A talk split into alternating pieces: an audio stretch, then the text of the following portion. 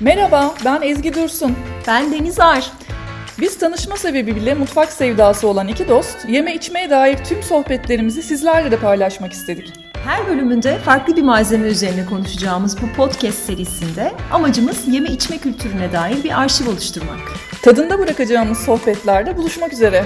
Yeni bölümlerimizden haberdar olmak için bizi takip etmeyi unutmayın.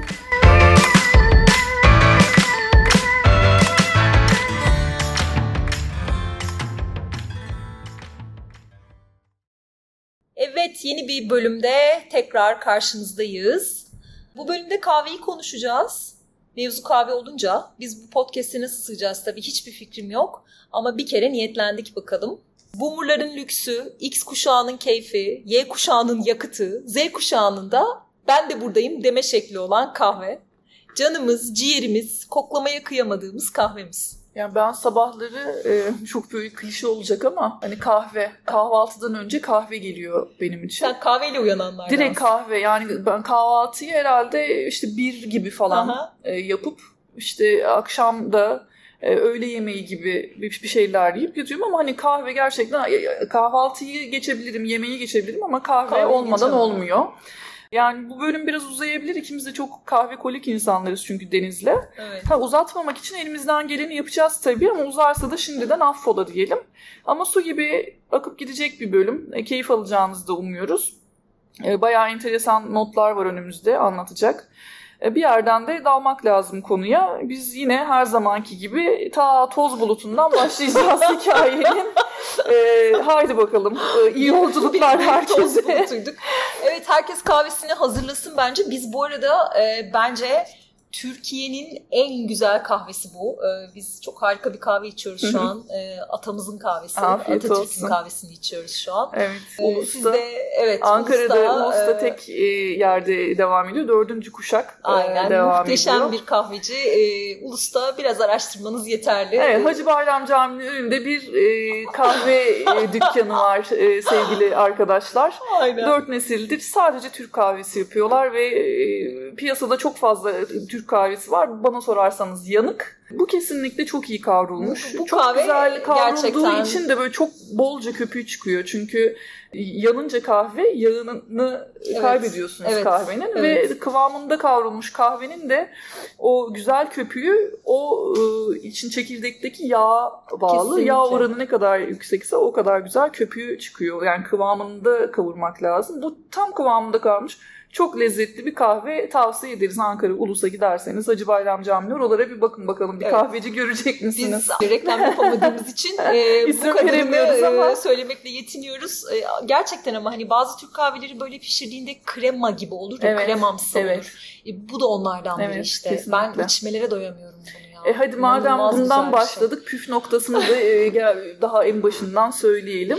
Bu kahvenin üreticisi de dördüncü kuşak temsilcisi e, Ahmet e, Bey de bu şekilde tavsiye ediyor. Soğuk suyla bir kere hazırlanması gerekiyor. Evet. Bakır cezve kullanılması Hı-hı. tavsiye ediliyor ve kahvesi bol olacak. Aha. Ondan sonra e, suyla kahveyi önce kahveyi koyacaksın sonra suyu koyacaksın. Cezvenin içinde karıştıracaksın ve ocağa aldıktan sonra artık karıştırmayacaksın. Hmm, kendi Hiç, bırak, evet, kalacak o Bırakacaksın ve böyle mum gibi çok kısık ateşte pıtır pıtır pıtır e, güzelce e, pişireceksiniz.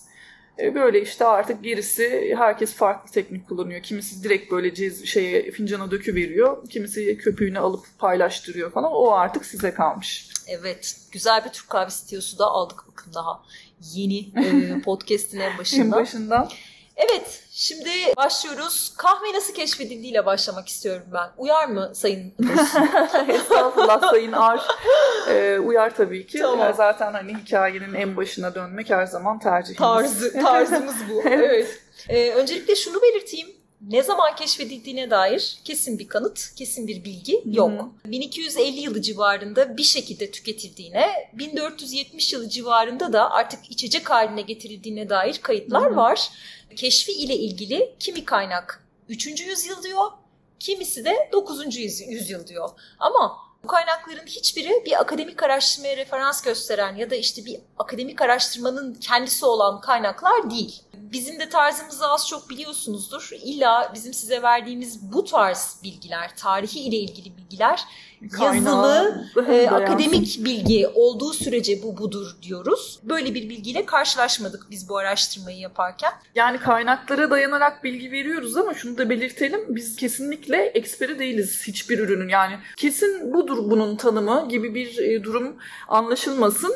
Dolayısıyla hani bu budur evet. ve başka bir alternatifi yoktur gibi anlaşılmasın. Aa, Burada hani şeyin... bütün podcast e, boyunca hani hiçbir Aynen bölümde öyle. böyle bir iddiamız yok. Onu da belirtelim. Hiçbir şeyin eksperi değiliz ama her şeyin meraklısıyız. meraklısıyız, heveslisiyiz aynen.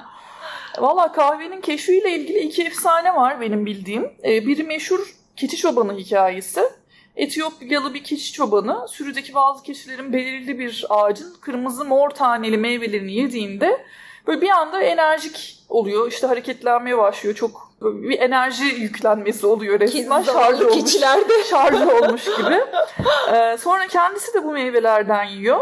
Ve aynı uyarıcı etkiyi kendisi de görüyor. Önce keçiler böyle bir hoplayıp zıplamaya başlıyorlar. Hatta bununla ilgili böyle e, bunu tasvir eden bir sürü e, çizimler evet, evet, çizim var. de var. evet evet. evet. E, siyah beyaz.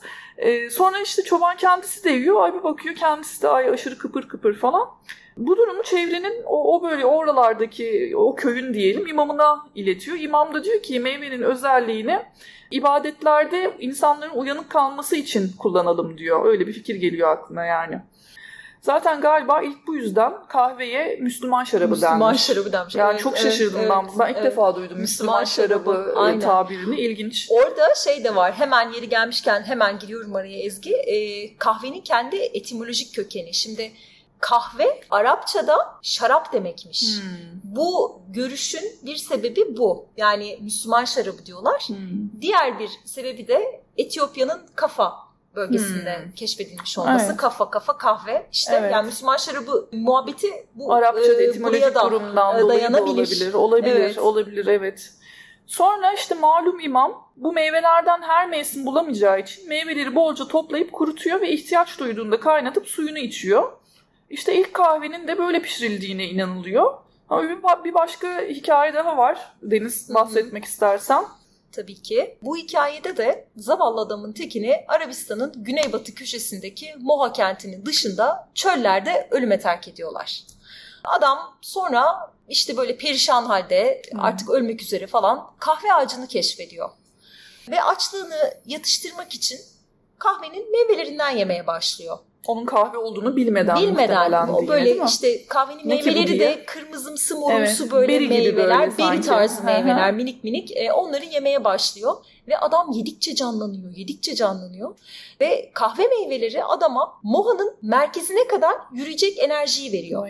Sayın seyirciler. Ee, adam geri dönüyor Tabii cebinde kahve çekirdekleri. Adamı ölüme mahkum edenler böyle birden, birden karşılarında kanlı canlı gördüklerinde tabii şoka giriyorlar.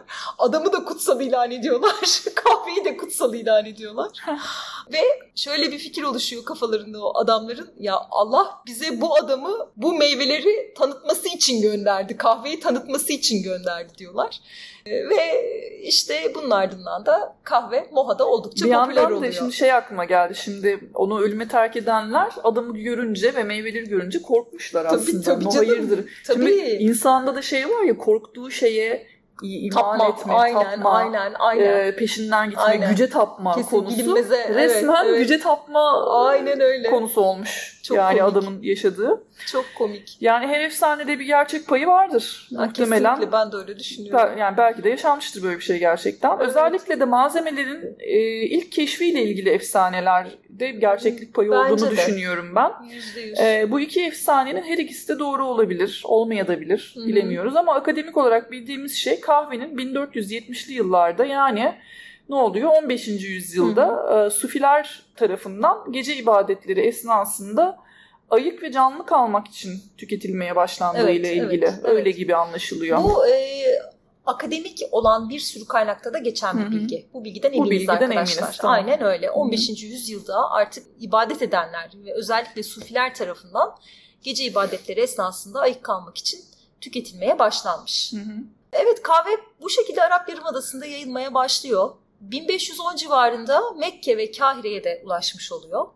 Bu iki şehir Arap dünyasının göz bebeği olan iki şehir o zamanlar ve Osmanlı'nın da gözü bu iki şehirde. Mekke kutsal topraklar malum. Kahire'de hem halifelik demek hem de dünyanın en önemli kültür merkezlerinden birisi o zamanlar.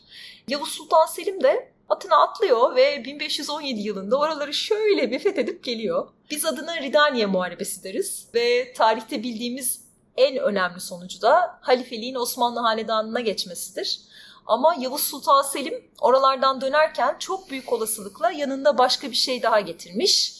Tabii ki kahveyi. Kahvenin ilk olarak saraya girdiği düşünülüyor bu sebeple. Bu şekilde giriyor. Aynen öyle. İlk olarak saraya giriyor İstanbul'da kahve. Hatta Yavuz Sultan Selim'in de sıkı bir kahve düşkünü olduğunu söylüyorlar.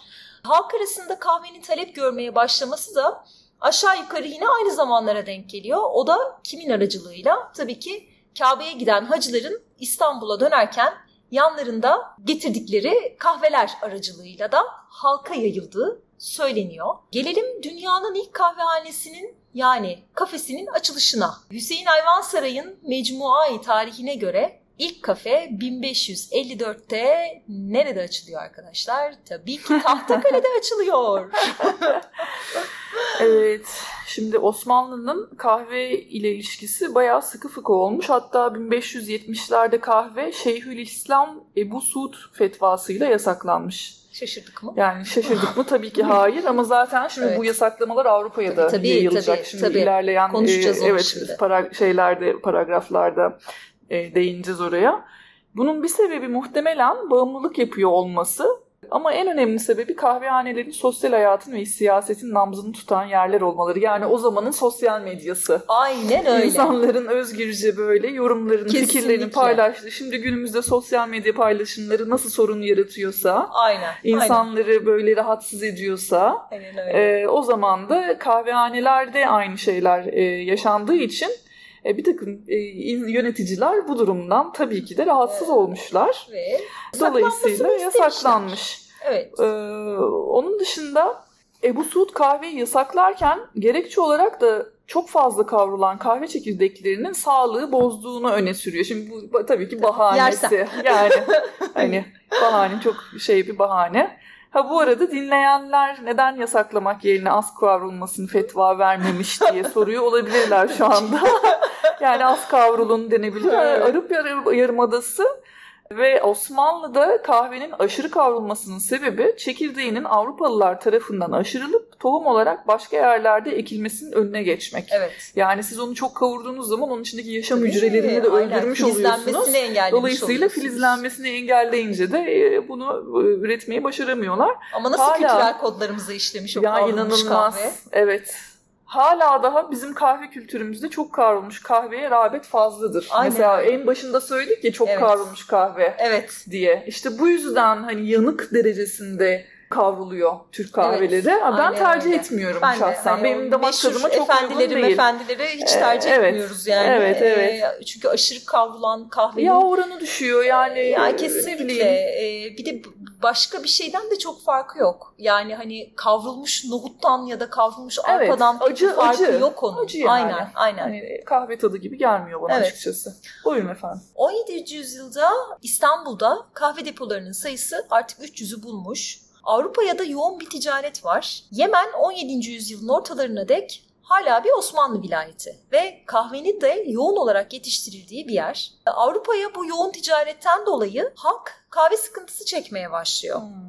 Yani e, Yemen'deki üretim arzı karşılamamaya başlıyor artık. Bunun üzerine hem kahveye ek vergiler konmaya başlanıyor hem de kahvenin içine nohutunu falan böyle karıştırılarak kahvede sahtecilik dönemi başlıyor. Hmm. Avrupalılar da bu gidişattan dolayı endişeleniyorlar. Çünkü artık kahveyi onlar da Osmanlılar ya da Arap Yarımadası gibi yoğun olarak tüketmeye başlamış. Dolayısıyla alternatif üretim seçe- seçeneklerinin peşine düşüyor Avrupalılar. Az önce dedim ya kahvenin çekirdeği hani o kadar kavruluyor ki artık onu çimlendirmek imkansız evet, oluyor. Evet. İşte burada bir rivayet devreye giriyor. E, bu da böyle kahveye dair, kahvenin Avrupa'ya yayılışına dair hoş efsanelerden bir tanesi. yani Hollanda'ya geçeceğiz şimdi biraz. E, Avrupa'ya doğru gidiyoruz.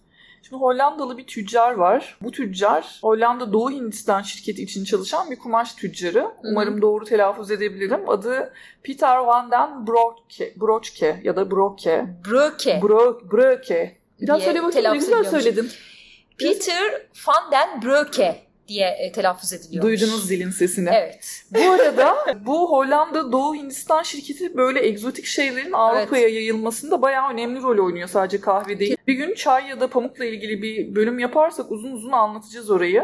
Evet. Neyse bu tüccar 1614 civarında Yemen'i falan geziyor ve bu adamın Arap Yarımadası'na ilk yolculuk yapan Hollandalı olduğuna inanılıyor.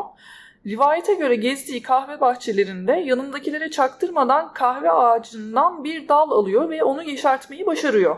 Bak bak bak adama bak. Ya, ya işte istediğimi insan neler başarıyor. Hatta bu rivayet 2023 yılı Booker ödülünü kazanan Georgi Gospodinov'un Zaman Sığınağı isimli kitabında da karşımıza çıktı. Bayağı şaşırdık onu görünce. Yeşertilen bu kahve dalı çoğaltılıyor ve kahve Arap Yarımadası'ndan sonra ilk defa Seylan'da 1658'de Hollandalılar tarafından yetiştiriliyor. Hı hı. Sonra da iklimi kahve yetiştirmeye elverişli topraklar olan Brezilya, Jamaika, Küba ve Kolombiya'da üretime başlandığı düşünülüyor. Zaten 1700'lerin ortasından bu yana bizde ağırlıklı olarak kahvemizi Brezilya'dan almaya başlamışız. Yani aslında hala da günümüzde evet. de böyle Brezilya'dan geliyor çekirdekler. Yemen'in 1635 ve 1849 yılları arası yani 200 yıl Osmanlı kontrolünden çıktığını düşündüğümüzde bu da kulağa mantıklı geliyor. Avrupa'nın ilk kahvehanesi e, dendiğinde şimdi yine bazı doğru bilinen yanlışları değineceğiz hı e, hı. bu noktada. Avrupa'nın ilk kahvehanesi Venedik'te 1645 yılında açılıyor Zaten Osmanlı'nın ilk kahve ihracatı da 1615'te yine Venedik'e oluyor. oluyor değil mi? Evet, evet, evet, evet. Venedik'e. İngiltere'nin ilk kahvehanesi ise 1652'de Oxford'da Yahudi bir tüccar olan Jacob tarafından açılıyor. Tanıdık gelmiştir. Şimdi evet. ben olması gereken telaffuzu söylediğimde reklama gireceği için Jacob diyeyim ya da Yakup diyeyim. Evet, Yakup sonra anlayın. ben de Yakup. ee, ben Siz diyeyim, anlayın Yakup. Jacob. Siz anlayın Jacob. Jacopo diyelim İtalyancası da. Ondan sonra Jim'i bu zaten muhterem tarafından açılıyor. Bu arada Oxford'da kahvehanenin açılması kahvenin ilim irfanla olan bağını Arap Yarımadası'nın tasavvufi geleneğinden çıkartarak Avrupa'nın akademik dünyasına yaklaştırıyor. Evet. Şimdi bir de aslında şimdi Oxford demişken şöyle bir e, konu var. Penny Universities diye bir şey var. Hmm. Duymuş muydun hmm. hiç? Hmm. Yani hani Penny ile o kahve içtiğin için çok cüzi bir rakamla e, içtiğin için kahveyi ve orada adeta böyle üniversitede öğreneceğin derecede bilgi sahibi olduğun evet. ortamlar oluştuğu için evet. Penny Universities, One Penny Universities diye bir tabir var o dönemlerde. Hı-hı. İşte bir penilik üniversite evet. gibi böyle. Çünkü o kadar çok bilgi paylaşımı evet. oluyor ki o ortamlarda. Hı-hı. Hani felsefe olsun, siyaset, hukuk vesaire Kesinlikle. böyle bir tabir türemiş o zaman. Evet, e, Oxford'da işte az önce de söyledik ya bu kahvehane e, bir sürü bilimsel tartışmaya, yeni teoriye ve sonradan Hı-hı. çok ünlenecek bilim insanlarına ev sahipliği Hı-hı. yapıyor. Tom Standage Altı Bardakta Dünya Tarihi isimli kitabında kahvehane interneti diye çok güzel bir tanım kullanmış. Hı-hı. Ve diyor ki o zamanların kahvehaneleri gündemi takip edebilmek, evet. entelektüel ya da sanatsal bir tartışmaya dahil olabilmek, siyaseti, borsayı ve ticareti takip edebilmek için gidebileceğiniz tek yerdi. Şu an bunlar için internete giriyoruz. Ama Hı-hı. o zamanlar bu bilgileri elde edebilmek için mutlaka bir kahvehaneye gitmek durumundaydınız. Hı-hı.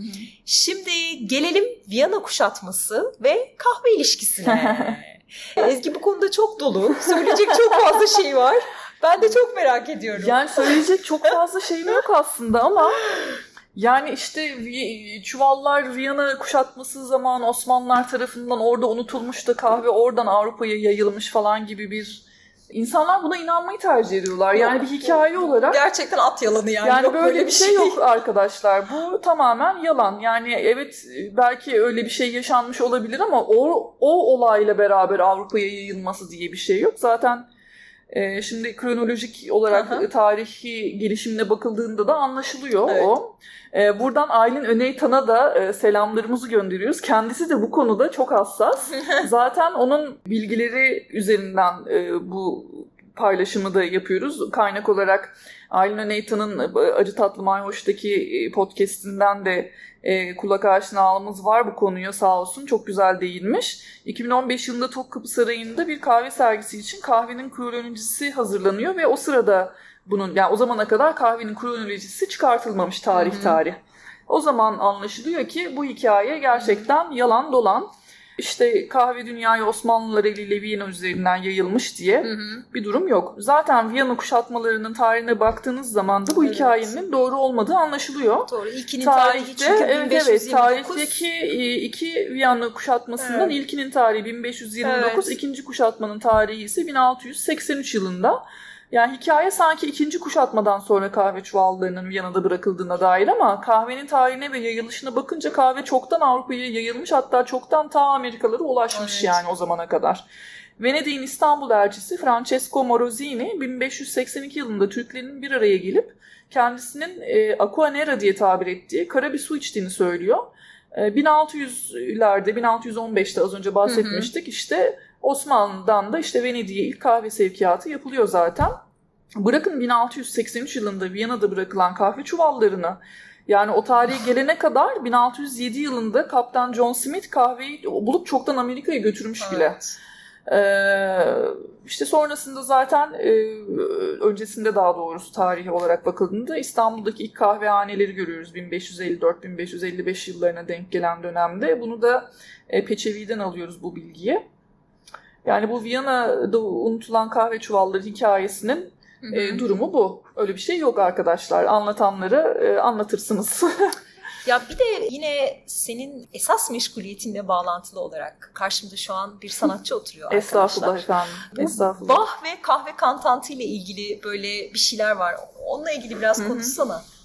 John Sebastian Bach'ın e, bir kahve kantatı var. Aslında Bach böyle hani e, dini müzikten çok etkilenmiş bir besteci ama hani bu böyle e, komik opera gibi böyle minik bir hı hı. eseri, esprili bir eseri. 1685-1750 yılları arasında yaşayan ünlü Alman besteci e, Johann Sebastian Bach'la beraber sahne üzerinde ilk kez içecek odaklı bir eser görüyoruz. Hmm. Ben böyle bir gastronomiyle müziğin ilişkisini incelemiştim hı hı. de o dönemde böyle bunun notlarını almıştım. Kahve kantatı içinde kahve keyfi ne kadar da güzel, binlerce öpücükten daha tatlı falan gibi sözler geçen bir eser bu bahsettiğimiz. Ee, normalde Bach'ın kantatları kilise müziğiyle ilişkilidir. Aha. Bu eseri net bir şekilde dini kantatlardan ayrılıyor. Kahve kantatı Bach'ın diğer dini kantatları gibi Leipzig'teki St. Thomas Lutheran Kilisesi için bestelenmemişti. Ee, ilk gösterimi o dönem buluşmaların gözde mekanı olan Zimmerman'ın şehirdeki kahve evinde, Kafe Zimmerman'da gerçekleşmiş Hı. premieri.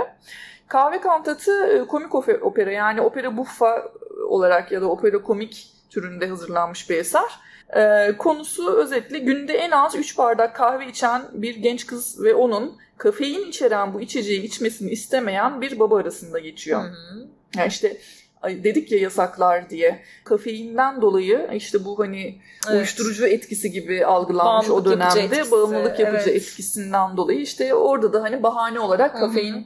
gösterilmiş. Ee, işte babası o yüzden içmesini istemiyor ve konu bundan ibaret. Kantat'ın resmi ünvanı Schwarz ile Plo Plodert nicht. Hmm. Sessizlik, sessiz sohbet etmek hmm. anlamında. Kahvenin sinirler üzerindeki olumsuz etkisine bir gönderme aslında e, orijinal adı. sinirler Eserin, evet. olumsuz etkisi. Kantat'ın sonunda kız babasını 3 fincan kahve içmeyi garantiye aldı bir evlilik sözleşmesi hazırlamayı Oo. ikna ediyor. Tamam diyor ben 3 fincan kahvemi içerim ama e, senin de onu garanti ediyorsam senin de dediğini yapalım gibi böyle babasıyla şey yapıyorlar yani sözleşme imzalıyorlar. Bach da bir kahve düşkünü. 1702 yılında e, George Philip Telemann tarafından kurulan Collegium e, Musicum'un direktörü ve cuma günleri iş çıkışı bu Kafe Zimmermann'a gidip e, orada mutlaka kahvesini içermiş. Bahsettiğimiz dönemlerde kahve kafein içermesi sebebiyle Avusturya'da yasak dediğimiz gibi. O zaman yani bu eser izleyicisini ve yaşadığı toplumu bir zamanlar yasak olan ve kafein içeren bu içecek konusunda uyarmak ya da bu yasağı eleştirmek için hazırlanmış, bestelenmiş olabilir mi? Yani ya buna bir eleştiri olarak, bir tepki olarak Hı-hı. bestelendi bu eser ya da gerçekten kesin, bence kesin öyle. öyle. Yani Çünkü tabii kahve e, tabii, düşkünü. Hem kahve ee, düşkünü. Ve anlamlandıramıyor neden böyle bir şeyin yasaklandığını muhtemelen. Evet, evet. Ee, o yüzden kesinlikle bir eleştiri. Evet. Ben yani... de eleştiri olduğunu düşünüyorum. Yani hani bakın e, kafein içerdiği için zararlıdır babası gibi ha, içmeyin az için gibi bir şey olduğunu sanmıyorum. Yok. Yani böyle parmak sallaya sallaya. Zaten hani kafein içerdiği için yasaklanıyor şeklinde Hı-hı. lanse edilmesi bence altta yatan asıl tabii, tabii, konuşulmasın, e, toplanılmasın, konu şeyi konuyu örten bir şey. Tabii. dedik ya az önce şimdi biz bu devirden, bu çağdan baktığımız zaman bunun çok anlamsız bir yasak olduğunu düşünüyoruz pek Hı-hı. tabii ki ama o dönemde işler öyle değil. Bugün nasıl hani internette bazı kısıtlamalarımız var, sınırlamalarımız Hı-hı. var. Kafamıza göre her şeyi aratamıyoruz. Evet. İşte bazı konularla ilgili bazı engellerimiz var. Hı hı. O zaman da işte tıpkı aynı muhabbet. Çünkü insanların bir şeyler öğrendiği, sosyalleştiği, konuştuğu yer kahvehane. Ve hani bu Osmanlı'da da bir çok ortam, adil yani bir ortam. Aynen öyle. Herkesin Kimse, sözünü söyleyebildiği e, bir yer. Öyle ortamlarda ee, yönetmek zor olur. Ve bu tebdili kıyafet muhabbetleri Hı-hı. eminim Avrupa'da da vardır. Hı-hı. Osmanlı'da da bunu tarihte çok görmüşüzdür. Evet. İşte padişahın, vezirlerin tebdili kıyafet, kıyafet giyip e, kahvehaneleri ve işte çarşıları, halkın Hı-hı. yoğunlukla bulunduğu yerleri gezmeleri vesaire Denetim. falan filan. Yani bunların hiçbiri e, siyasetten bağımsız şeyler değil. Tabii tabii kesinlikle. E, yani, Aynı fikirdeyim. Osmanlı coğrafyasında ve Avrupa'daki kahve yasaklarının sebebi de siyaset yani başka evet. bir şey değil. Şimdi kahve konusunu konuşmuşken birinci, ikinci ve üçüncü nesil kahve gibi bir ayrım var. Böyle bir kavramlar var biliyorsun. Valla ben üçüncü nesle hakimim. Bu third wave e, dediğimiz. Bir iki neydi hiç hatırlamıyorum. Birinci, ikinci nesil kahve sen anlat. Şimdi ben biraz Benim anlatacağım. Benim açıkçası o konuyla ilgili. Bu, bu, bu konuyu anlatmaya talibim. E, zamanında çok böyle Türkiye'nin çok iyi kahve ustalarından, kahve barmeni diye geçiyor onlar. Onlardan birinden öğrenmiştim. Barista mı deniyor? E, evet, onlardan birinden öğrendiğim e, değerli bilgiler. Onları biraz paylaşacağım dilimde. Haydi bakalım. Size. Evet, birinci, ikinci ve üçüncü nesil kahve son dönemlerin belki kahveye ilişkin en fazla konuşulan konularından. Kısaca birinci ve ikinci nesil kahveyi konuşup biraz da üçüncü neslin üzerinde duralım bakalım. Birinci nesil kahve dediğimiz şey aslında bu 1938 yılında Nestle'nin ürettiği ilk hazır kahve. Yani hmm. granül kahve dediğimiz bugün. Suda eriyen kahve. Suda çözünebiliyor. Hiçbir demleme ya da pişirme gerektirmiyor. Bu kahve işte birinci nesil kahve olarak adlandırılıyor. Ha, onun bir başlığı olduğunu bilmiyordum. Yani. Evet. Hı-hı. İkinci nesil kahve dediğimiz şey ise 1946'da bulunan cappuccino ile başlıyor ve 1971 yılında Seattle'da ilk Starbucks'ın açılmasıyla alev alıyor. Hmm. Ee, yani demleme kahve. Yani bildiğimiz popüler kahve zincirlerini de içine alan bir akım ikinci nesil kahve. O yüzden kahve ve kahve kültüründen bahsetmeye aslında ikinci nesil kahvecilikte Doğru. başlamış oluyoruz. Evet. Ee, Nitelikli kahve dediğimiz. Aynen öyle. ha bu arada Seattle Starbucks'ın memleketi ama aynı zamanda dünyanın en büyük yazılım ve e, internet firmalarının bazılarının da üssü. Bu ikisi arasında da sıkı bir ilişki var e, ki bunlar da sıklıkla söz ediliyor kahve araştırmacıları tarafından. Ee, üçüncü nesil kahve dediğimiz şey ise kahveye yepyeni boyut kazandıran bir akım. Yani kahveyi farklı demleme teknikleriyle ve e, kendi kültürüyle ele alan, kendi tarihiyle ele alan bir akım. Hmm. O zaman dur nitelikli dedim ikinci nesil için, üçüncü nesil için demem lazım nitelikli kesinlikle, kahveye. Kesinlikle. Ona daha uygun. Üçüncü nesil kahve temel olarak ticareti adil yöntemlerle yapılan nitelikli kahve çekirdeklerinin alternatif demleme yöntemleri kullanılarak çiftlikten fincana dek ulaştırılması demek. Hı hı. Yani öyle bir üretim zinciri düşünün ki topraktan sofraya, masaya gelene kadar temiz, adil üretim zincirinden geçiyor. Hı. Üçüncü nesil kahvecilikte genellikle Arabika çekirdekleri kullanılıyor. Çünkü Arabika'nın içimi Robusto'ya göre daha yumuşak, daha aromatik ve daha lezzetli bir kahve Arabika. Bu arada Türk kahvesi de bir Arabika hı hı. çeşidi. O bilgiyi de verelim. Üçüncü nesil kahveciliğin üç aşaması var.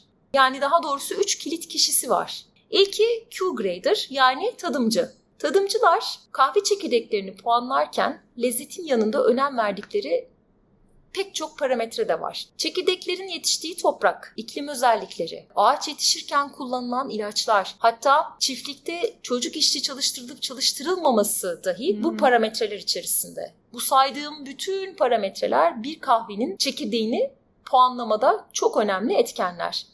Lezzetin yanında tabii ki bu saydığımız kriterlerin de kahve puanlamasında önemli hale gelmesi daha adil ve daha temiz bir üretimi de teşvik eden bir şey aynı zamanda. Puanlamadan 84 ve üzeri alan çekirdekler nitelikli çekirdek olarak adlandırılıyor ve bu çekirdekler roaster yani kavurucuya ulaştırılıyor.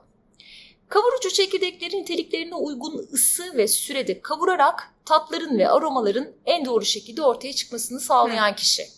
Az önce bahsettiğimiz muhabbet. Şey, damak Hangi çekirdeği ilgili. kaç derecede nasıl kavuracağını evet. bilen kişi her kavurucu. farklı e, Aynen her birine farklı e, muamele farklı. gösteren kişi.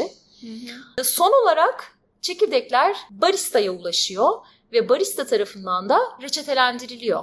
Yani barista hangi çekirdeğin hangi yöntemle, ne kadar sürede ve nasıl demleneceğini belirleyen kişi. Böylece kavurucunun ortaya çıkmasını sağladığı tüm tat ve aromalar baristanın reçetesiyle en doğru ve ideal şekilde fincanımıza ulaşıyor. Bu açıdan bakıldığında aslında 3. nesil kahvecilik nitelikli bir çekirdeğin çiftlikten fincana dek hikayesini içeriyor ve aynı zamanda alternatif demleme yöntemlerini de kapsıyor. Yani oldukça bütüncül bir süreç olarak karşımıza çıkıyor. Bu konuyla ilgili siz ne demek istersiniz Sayın Dursun? Üçüncü nesil kahveciliğin neresinde bulunuyorsunuz?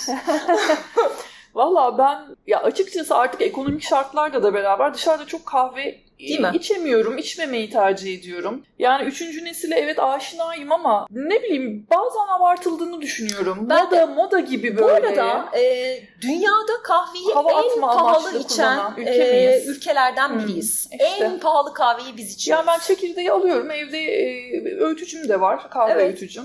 E, taze göre. tutmaya çalışıyorum. Olabildiğince çabuk tüketmeye çalışıyorum. Öğütülmüş kahve almıyorum. Çekirdek almayı tercih ediyorum. Kendim içeceğim kadar öğütüyorum. Daha taze oluyor. Ya espresso ya mocha ya işte e, başka şekilde filtre kahve nasıl istiyorsam ona göre. Yani böyle bir kahve tüketimim var benim. Ben böyle ve bana bu daha çok keyif veriyor dışarı gidip tonlarca para verip bir de bazen damak tadıma da uymayan kahvelerle karşılaşınca. Evet, evet, evet. Ya bir de böyle şey olarak da Şimdi kızacak belki şimdi bizi dinleyen baristalar varsa ya da hani bu sektörde e, üçüncü jenerasyon nitelikli kahve işiyle uğraşan kişiler varsa ya da buraları tercih eden yani biraz yozlaşmış da gibi geliyor bana. Ya bir moda gibi, ee, geçici bir heves gibi. Evet. İşte oraya giden kesin böyle hani bir, bir havalar, bir şeyler ee, işte yabancı kelimeler. Ait hissetme. Yani bilmiyorum. Topluluğa ait hissetme. Bir, bir garip geliyor bana o durum ve çok fazlalaştı. Ya bak bu Şimdi konu... bu işi çok iyi yapan işletmeler var. Şimdi onları ayrı ya, bir yere kesinlikle, koyuyorum. Kesinlikle elbette. Ama yani adım başı da kardeşim adım başı iyi kahve bulamazsın ya. Ee, yani ya, her yer ki, kahveci. Her yer kahveci ise ve her, her yer e, kendi her kahvesinin en güzel olduğunu iddia yani. ediyorsa orada kesinlikle evet, bir sıkıntı vardır evet. zaten. Ama kesinlikle bu işi çok iyi yapan yerler özellikle İstanbul'da ve Ankara'da Var. çok. Ve Onları bir şey oldu mu? ediyorum. Ee, merak ediyorum. Sende aynı şey oldu mu? Ben e, yaşadığım şehirde bir tane ya da iki tane böyle çok iyi nitelikli kahveci vardı.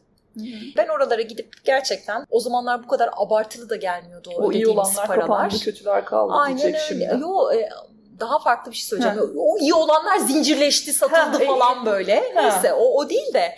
Şimdi bir tane iki taneydi bunlar. Gidiyordun. E, tabii enflasyon falan da bu kadar korkunç değildi. E, gidiyordun makul bir paraya güzel bir kahve içip evet. evine dönüyordun. Evet. Şimdi adım başı Ezgi, Hı-hı. adım başı kahveci evet. ve hepsi ve hepsi de çok iddialı. Tabii, hepsi tabii. muhteşem kahve yaptığını iddia en iyi onlar yani. Tabii ki. Ya bu keşmekeş beni basitleş yani basitliğe beni yoruyor. itti. Yoruyor bir de benim ha, ortamda. Ben yoruldum ve daha sadeliğe yöneldim. Evet. Dediğin gibi evimde kendi makinemle kendi evet. seçtiğim kahveyi Teknikte. yapmak, Aha. kendi seçtiğim şekilde, kendi istediğim şeylerle bazen karıştırarak evet. yapmak beni aynı daha mutlu eder Kesinlikle oldu. aynı fikirdeyim. Bir de hani böyle bir yere e, ne bileyim şey dedik ya az önce sanki biraz ait, yozlaştı ait gibi hı. ait hissetme muhabbeti gibi gibi hani bir şeyler söyledik ya. Hı hı Bununla ilgili çok enteresan bir çalışma yapılmış. Ben biraz ondan bahsetmek istiyorum izninle. Hı hı. Ee, kuşakların kahve alışkanlığı üzerine bir araştırma yapılmış Türkiye'de. X, Y ve Z kuşağı tüketicilerin kahve dükkanlarını tercih etme alışkanlıklarının Heh, incelenmesi. İşte bak bahsettiğim buydu. Çok diye güzel. bir araştırma. Bu araştırmanın bir e, bu makalenin linkini daha doğrusu hani künyesini de bırakacağız e, açıklamaları. Oradan merak edenler daha uzun okumalar yapabilir. 1925 ve 1964 arası doğan sessiz kuşak ve baby boomerlar için kahve bir lüks. Baby Neden? boomer ne ya? Baby boomer ne biliyor musun? İki Dünya Savaşı duyuyorum. sonrasındaki kuşak patlaması. Hmm. İki Dünya Savaşı da oluyor. İşte erkekler evlerine dönüyor. Ondan sonra lots of babies falan. Hmm. o işte baby boomer kuşağı. O insanlar için kahve bir lüks. Zira dönemler itibariyle iki tane dünya savaşını geride bırakmışız. Hayatın her alanında olduğu gibi yeme içmede de temel olan şeylerin ön planda olduğu, zaten kahvenin çoğunlukla rahatça tedarik edilemediği yıllar bu yıllar. Hı hı. Edilse bile zaten e, elin ilk ona gitmiyor. Temel hı hı. gıda maddelerine gidiyor. Çünkü onlar da zor tedarik ediliyor. Böyle bir tedarik sıkıntısı var. Hı hı. Tabii ki bu süreçte ağırlıklı tercih Türk kahvesi. Kahve genellikle de evde içilen bir şey. O zaman peki şey diyebilir miyiz? X kuşağı için kahve lüks olmaktan ziyade bir keyif aracı. Tabii tabii zaten yani araştırma hani... e, da bu yönde. X için kahve lüks olmaktan çıkıyor. Hı hı. Ve kahve onlar için hatırlasana annelerimiz işte evet, X illa kuşağı. Hiçbir şey olmasa eşlikçi. kahve mutlaka ikram edilir yani. Ve keyiftir onlar için. Tabii tabii. E, ya o günün keyfini yapmaktır evet, kahve onlar şu, şu bir oturayım da bir nefesin oh bir oh demenin bir oh demenin e, şeyidir. Yani. Aynen o ohun eşlikçisi. o. Aynen öyle. O yüzden onlar için bir keyif aracı. Bak mesela onlar da kahveyi arada sırada dışarıda içiyor ama genellikle kahve içmek için tercih ettikleri mekan evler. Evet evet. E biz yaşlandık mı acaba? Şimdi bak biz de öyleyiz. Demek ki biz ya ruhumuz mu yaşlanmış bizim Deniz? Biz de ondan keyif alıyoruz. Keyif ya. aldığımız yaş grubu o, evet, o, o yaş evet. grubu yani. Aynen öyle. Ee, Zevkleri benzeşen. Bir de ilginç bir şey var bak Ezgi. X kuşağı kahvesinin kendisine servis edilmesini severmiş. Hmm. Yani gidip de öyle self servis kahve almak, Yok. o kahve için sırada beklemek Yok. bunlar çok saçma işler yani Kesinlikle. onlar için. aynı fikirdeyim. Ee, Yaşasın X kuşağı. E şimdi Y kuşağı ile ilgili bir tahminin olur mu? Yok. Tamam. Y kuşağı da kahvenin galiba en fazla hakkını veren kuşak. Allah Allah. Neden? Ne acaba? Zira kahve onlar için bir yakıt. E düşünsene biz birer yeni ha, biziz, ay, biziz o. Aynen Aa, öyle. Ben pardon. Kahve senin yakıtın değil mi? Podcast'te daha başlarken söyledim. Ay. Güne başlayamıyorum kahve bak, içmeden bak, diye. Podcast, işte podcast'te başlayamıyorum kahve içmeden. Çünkü kahve içmediğim için ayılamadığımdan AY kuşağı olduğumuz bile farkında değilim Aynen. Yani. Bizim Doğru. yakıtımız kahve. Bizi çalıştırıyor, ee, enerji veriyor. Aynen öyle. Kahve tüketimleri kendinden önceki kuşaklardan daha fazla. Bu yüzden de farklı deneme yöntemlerine daha fazla eğilim gösteriyoruz. Üçüncü nesil kahveciliği de en iyi anlayan ve bunu talep eden kuşak Y kuşağıymış yine. Evet. Diğer kahveleri genellikle niteliksiz buluyorlar. Rastlarlarsa genellikle mecburen içiyorlar. Yani üçüncü nesil Ayıp kahveye e, yöneliyorlar genellikle. Kahvenin kendilerine servis edilmesi de onlara uygun. Hmm. Self servis de onlara uygun. Hmm. Her şeye okeyler. Şimdi son kuşak. Geldik Z kuşağına. Z kuşağı, Z kuşağı için kahvesini satın aldığı zincirin logosu olan bardakla dolaşmak. Böyle bir litrelik bardaklar var böyle Aynen. yarım litre falan böyle evet, kocaman. Büyük daha da büyük en büyük evet. böyle logoda da kocaman falan böyle Aynen. şey şey mesajı o.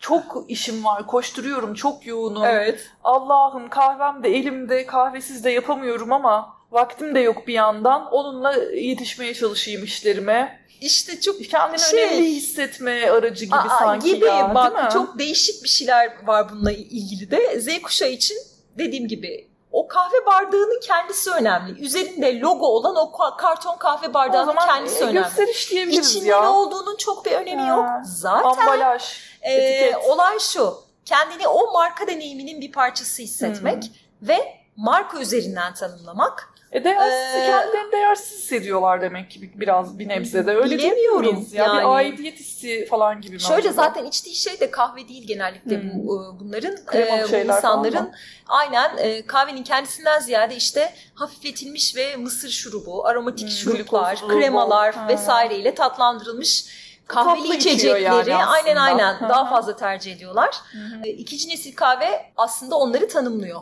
Bak hı Z kuşağı ikinci nesil kahveci. Ee, evet. o, o zincirlerin o kremalı kahvelerini içiyorlar.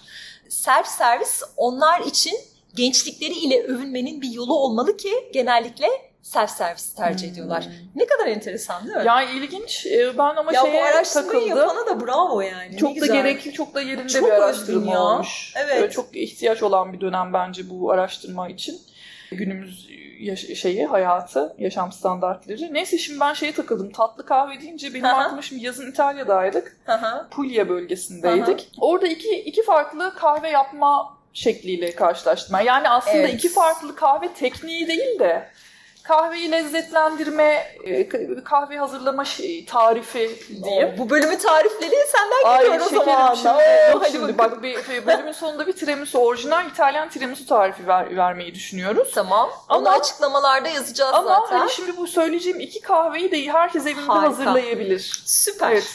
Kağıtları, kalemleri hazır edelim.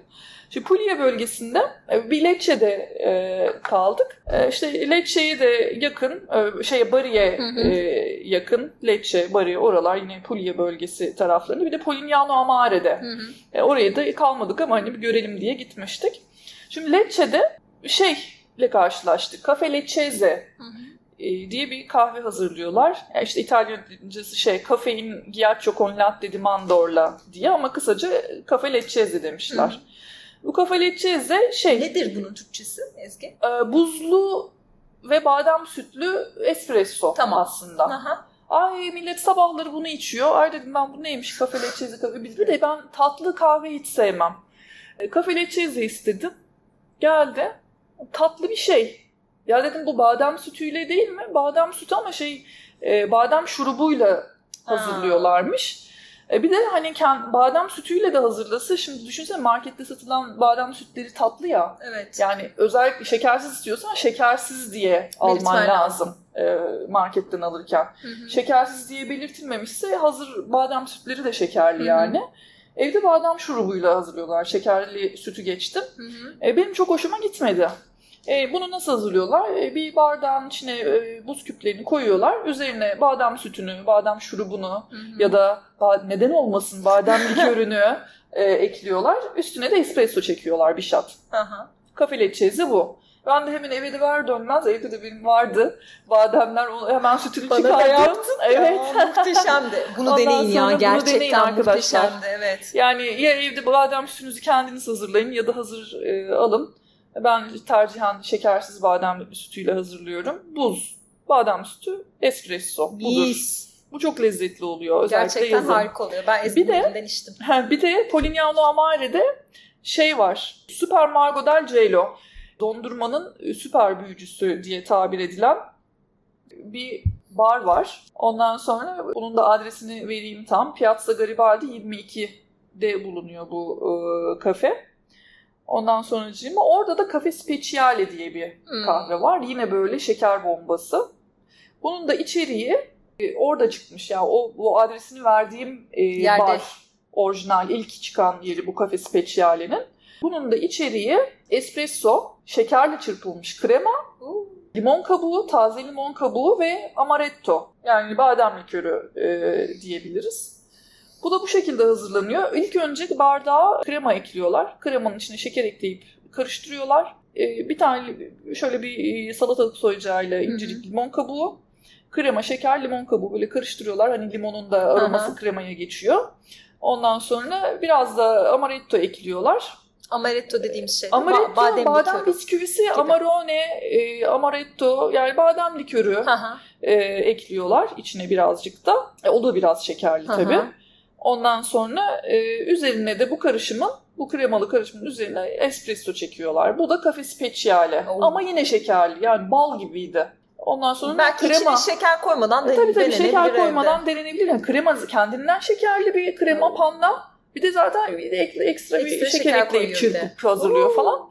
O da böyle kafe speciale. Bu ikisini bu yaz öğrenmiş olduk. Güzel oldu fikir olarak. Tatlı olarak e, denenebilir. Ondan sonra yani şeyden bahsetmedik aslında e, kahve çekirdeğinden olmasa bile işte çitlenbik kahvesi, menengiç kahvesi, nohut kahvesi Aa, falan evet, var evet, Sakarya'nın. Evet, evet, yani evet. adı kahve ama e, kahve içermiyor aslında yapılış evet, tekniği farklı, olarak. E, içeriyor. Yapılış tekniği olarak işte hani kahve Aha. fincanda yine servis ediliyor diye kahve deniyor ama e, hani bizim yöntemi aynı. Evet. Aha. Kültürümüzde de işte hani çeki kahve olmayan ama kahve e, uzantısıyla tüketilen kahvelerimiz var.